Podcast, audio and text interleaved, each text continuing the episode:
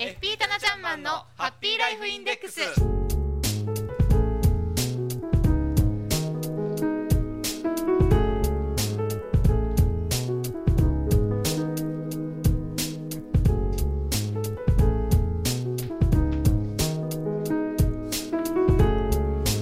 タナちゃんマンのハッピーライフインデックス。この時間はあなたの夢と未来をトータルサポートするライフサポート有限会社の提供でお送りします。私たちと一緒に明るい未来幸せな生活になるためのマネーライフを考えてみませんか？タナちゃんマンから幸せになるメッセージもこの番組ではお届けしますよ。さあ今日はどんな素敵なお話なんでしょうかね？この番組ではあなたからの疑問質問も大募集中です。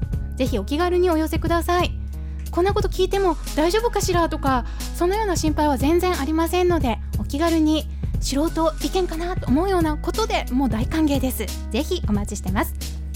宛先は fm768 アットマーク p-wave.ne.jp fm768 アットマーク p-wave.ne.jp です。あなたの質問お待ちしてます。さあそれでは今日も早速一級ファイナンシャルプランニング技能士ライフサポート有限会社代表のタナちゃんマンを呼んでみましょう。あなたもご一緒に。せーのタナちゃんマンはいこんにちは棚橋です。今日もよろしくお願いします、はい、こちらこそお願いいたします。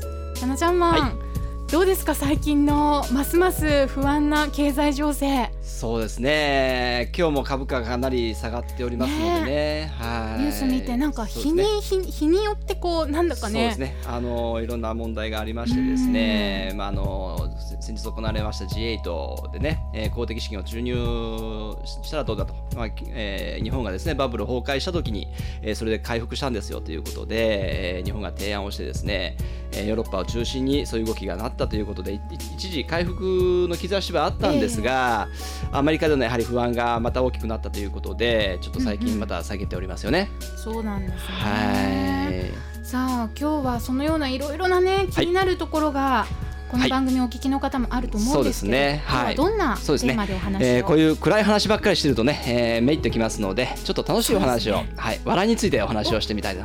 笑いについて、はい、そうですね、幸せなマネーライフ関係あるんでしょうか？はい、あのハッピーライフインデックスですからね、ハッピーな生活を楽しい生活を送りたいということでね、今日ちょっとあの、うん、私もねあのずっとお話ししておりますけれども、心理カウンセラーのなるための勉強をしております、はい、心理学の勉強しておりますんでね、ちょっとそことね、えー、つなぎ合わせながらお金の話をできたらなっていうふうに今日は思いますね。うん、はい。はい。じゃあどんな感じで？そうですね。はい。あのー、よくですね。楽しそうですねとかよく言われるんですよ。あ、たなちゃんまはい。確かに。なんかねいつも笑顔だなって思いますし、はい、そうですね、はい、よく笑ってます。なんかこうハッピーオーラが出てます。あ、そうですか、ありがとうございます。はい、はい、実はですね、これ自分で暗示かけてるんですよ。自然にではなくてこうやっぱり努力もあって、ね、まあ、そんな努力してないんですけどね、うんうんうん、はい、あの楽しいから面白いから笑うんではなくて、はい、笑ってれば楽しくなってくるんですよね。れ確かに、はい、そうですね。そうですね。うん、あのー、態度価値ってあるんですけれども、えー、例えば楽しい人に真似れば楽しくなってきますし、はいはいはい、えー、例えばそうですね、えー、1日1000回ため息をつけば必ず鬱になります。やってみてくださいっていう。そんなあの試す試す価値あるんですか？ね。いやた鬱になっちゃうとこの脱出私が鬱になってたらね脱出するのはちょっと大変ですのであれですけれども、はい救いましょう。本当ですけどねあの本当にその人が、えー体で表し表した通りに心が動きます、はい、当然楽しければあの楽しいと思えばあのそれが体に現れますし逆に体が態度を示せばですね心がそっちにやっぱり動いてきます。うん。なるほどね、はい、なんかあの脳科学的にも先日ちょっとね番組で見たこともあるんですけど、はい、無理やりでもこう作り笑いで口角を上げた表情をすると、ね。はい、脳の中のなんかこう物質がいい方向のものに、ね、あの波動っていうんで出てるっていうのも見ました。そうなんですよ。はい。でそれがですね実は NK 細胞っていうんですけれどもなんかまた難しい名前が、生物の授業みたいな、そうですね、えー、脳内物質。これはホルモンなんですけれども、はい。えー、NK 細胞というのは分泌されます。はい。あのナナチュラルキラー細胞って言うんですけどね。そういう略ではい、であのー笑う人はい。はですね、がん少ないとも言われてます。医学的にもそうですね、はい、もう最近、そうですね、もう最近はもう本当に医学でもですね、これは証明されてきているんですよね。はい。はい、ですので、あのよく笑う角には福来たると言いますけれども、私は、はい、私は笑う角には病気なしというふうに言っております。それまた現代にこうそうですね。即した感じのことわざになりますね。そうですね、はい、そんなふうに私は言っておりますけれども、えあの例えば嫌だなやりたくないなって思った時でもですねあのやりたくないやりたくなければやあのそのままその気持ちでいいんですよやりたくなくてもでもでもやりたくないけどやらなきゃいけないということがありますよね。どうしても避けられないことそうが多いですよね。ですよね。そうですね。でその時はやりたくなくてもいいからまずはやってみるんですよ。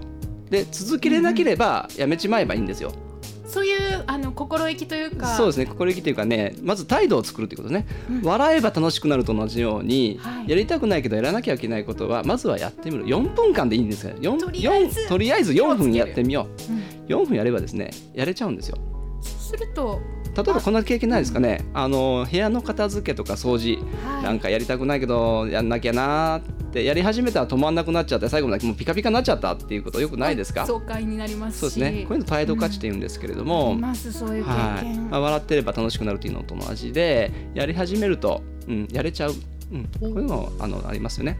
なるほどね、はい。確かに。なんかそういうあの分かりやすい生活の中での例に例えられると、ええ実感としてあそうですね本当だとなってきますね。ですよね。はい。これと同じようにですね、はいあの資産運用も考えていただければどうかなと思いますね。だから例えば？例えばですね、今すごくあの株価をはじめとして金融不安がすごく取り沙汰されていますよね。はいだから心配だ心配だ不安だ不安だってばかり思ってるとやっぱりお金ってまあなんていうのかな貯めにくいというかたまらないというか、まあ、そういうふうに引きずられちゃいます。それでもう心配だってなればやっぱり投資もしないですし運用もしないやっぱり考えにくくなっていきますので、そうですね。なかなかこうため貯めようという意識がなくなってしまうというか薄らいでいってしまいますよね。だからそこから目をはあのちょっと背けてですねあの将来何をしたいかっていうことにやっぱり目を向けましょう。ということですね。よくあの私ねよくこの番組でも何度かあのファイナンシャルゴールですね目標を明確にしてあのそれに向かって運用しましょうというお話をしておりますけれども、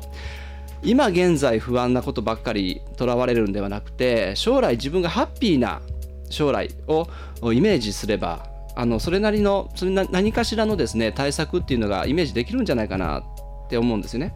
おーなるほどね、はいそうすると気持ちもそうですね。だからそうですね。こう気持ちがこう後ろ向きにこう沈んでた気持ちがこうハッピーな方に行きますから、はいあの資産運用運用的にはねそのまあ利回り的にはえー以前ほど回らなくなるかもしれませんけれども、少しずつでもこう目標に近づいていくんじゃないかなって思うんですよね。うんうんうんはい。だからもうかやっぱり考え方ですよね。まずそれを態度から示していけばいいんじゃないかなと思います。じゃあ例えば今ねこの時期に株価が急に下落して、はいはい暴落して、はいうわもうめちゃくちゃ損しちゃったよっていうそんな風に落ち込んでる方も、はい。こうちょちょっとこうそうですね。待つ時期というそうですね、はい、ですのであの一喜一憂するんじゃなくて、じゃあこれまあじゃあどうすればいいのかっていうことが出てくると思うんですね。将来をあの、はい。ハッピーに考えれば。じゃあ今どうしようっていうのが出てきます。例えば下がった今こそ買い増しをするのかもしれませんし、はい。あのポートフォリオですね。分散投資のあポートフォリオの見直しをする時期なのかもしれませんし。だから今まで株ばっかり一本で来られた方っていうのはすごく今あ利益をねあの今まで出してたものが損失になっていると思うんですけれども、はい。それこそあこうじゃなかったんだ。やはり分散投資が必要なんだという見直しになるいいきっかけになったかもしれませんし考え方だと思うんですよ。それが将来のねもっと大きなはい。こう、い、い結果のそうですよね。きっかけかも分かりませんしね。一。段階かも。そうですね、うんうんはい、うん。なるほどね、じゃあ暗い話題ばかりに引きずられないことがそうですね。大事かなって思いますね。はい、はい。今日はなんだかこう気持ちがね、はい。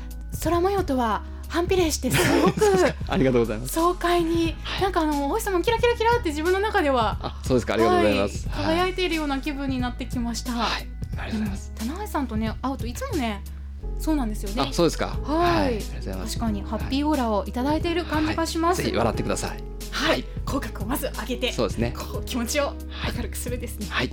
わかりましたさあハッピーライフインデックスではあなたのご意見もお待ちしています。そして、え過去の放送分もう一度ね復習して聞き直したいなという方はぜひこのライフサポート有限会社のホームページをチェックしてみてください。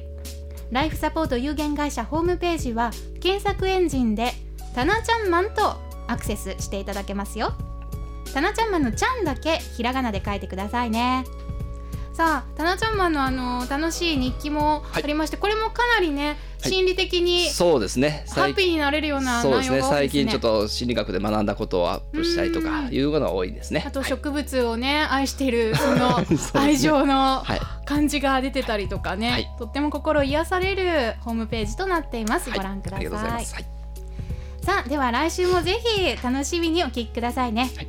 FP タナちゃんマンのハッピーライフインデックスこの時間はあなたの夢と未来をトータルサポートするライフサポート有限会社の提供でお送りしました。それではまた来週この時間にお会いしましょう、ありがとうございました、はい失礼します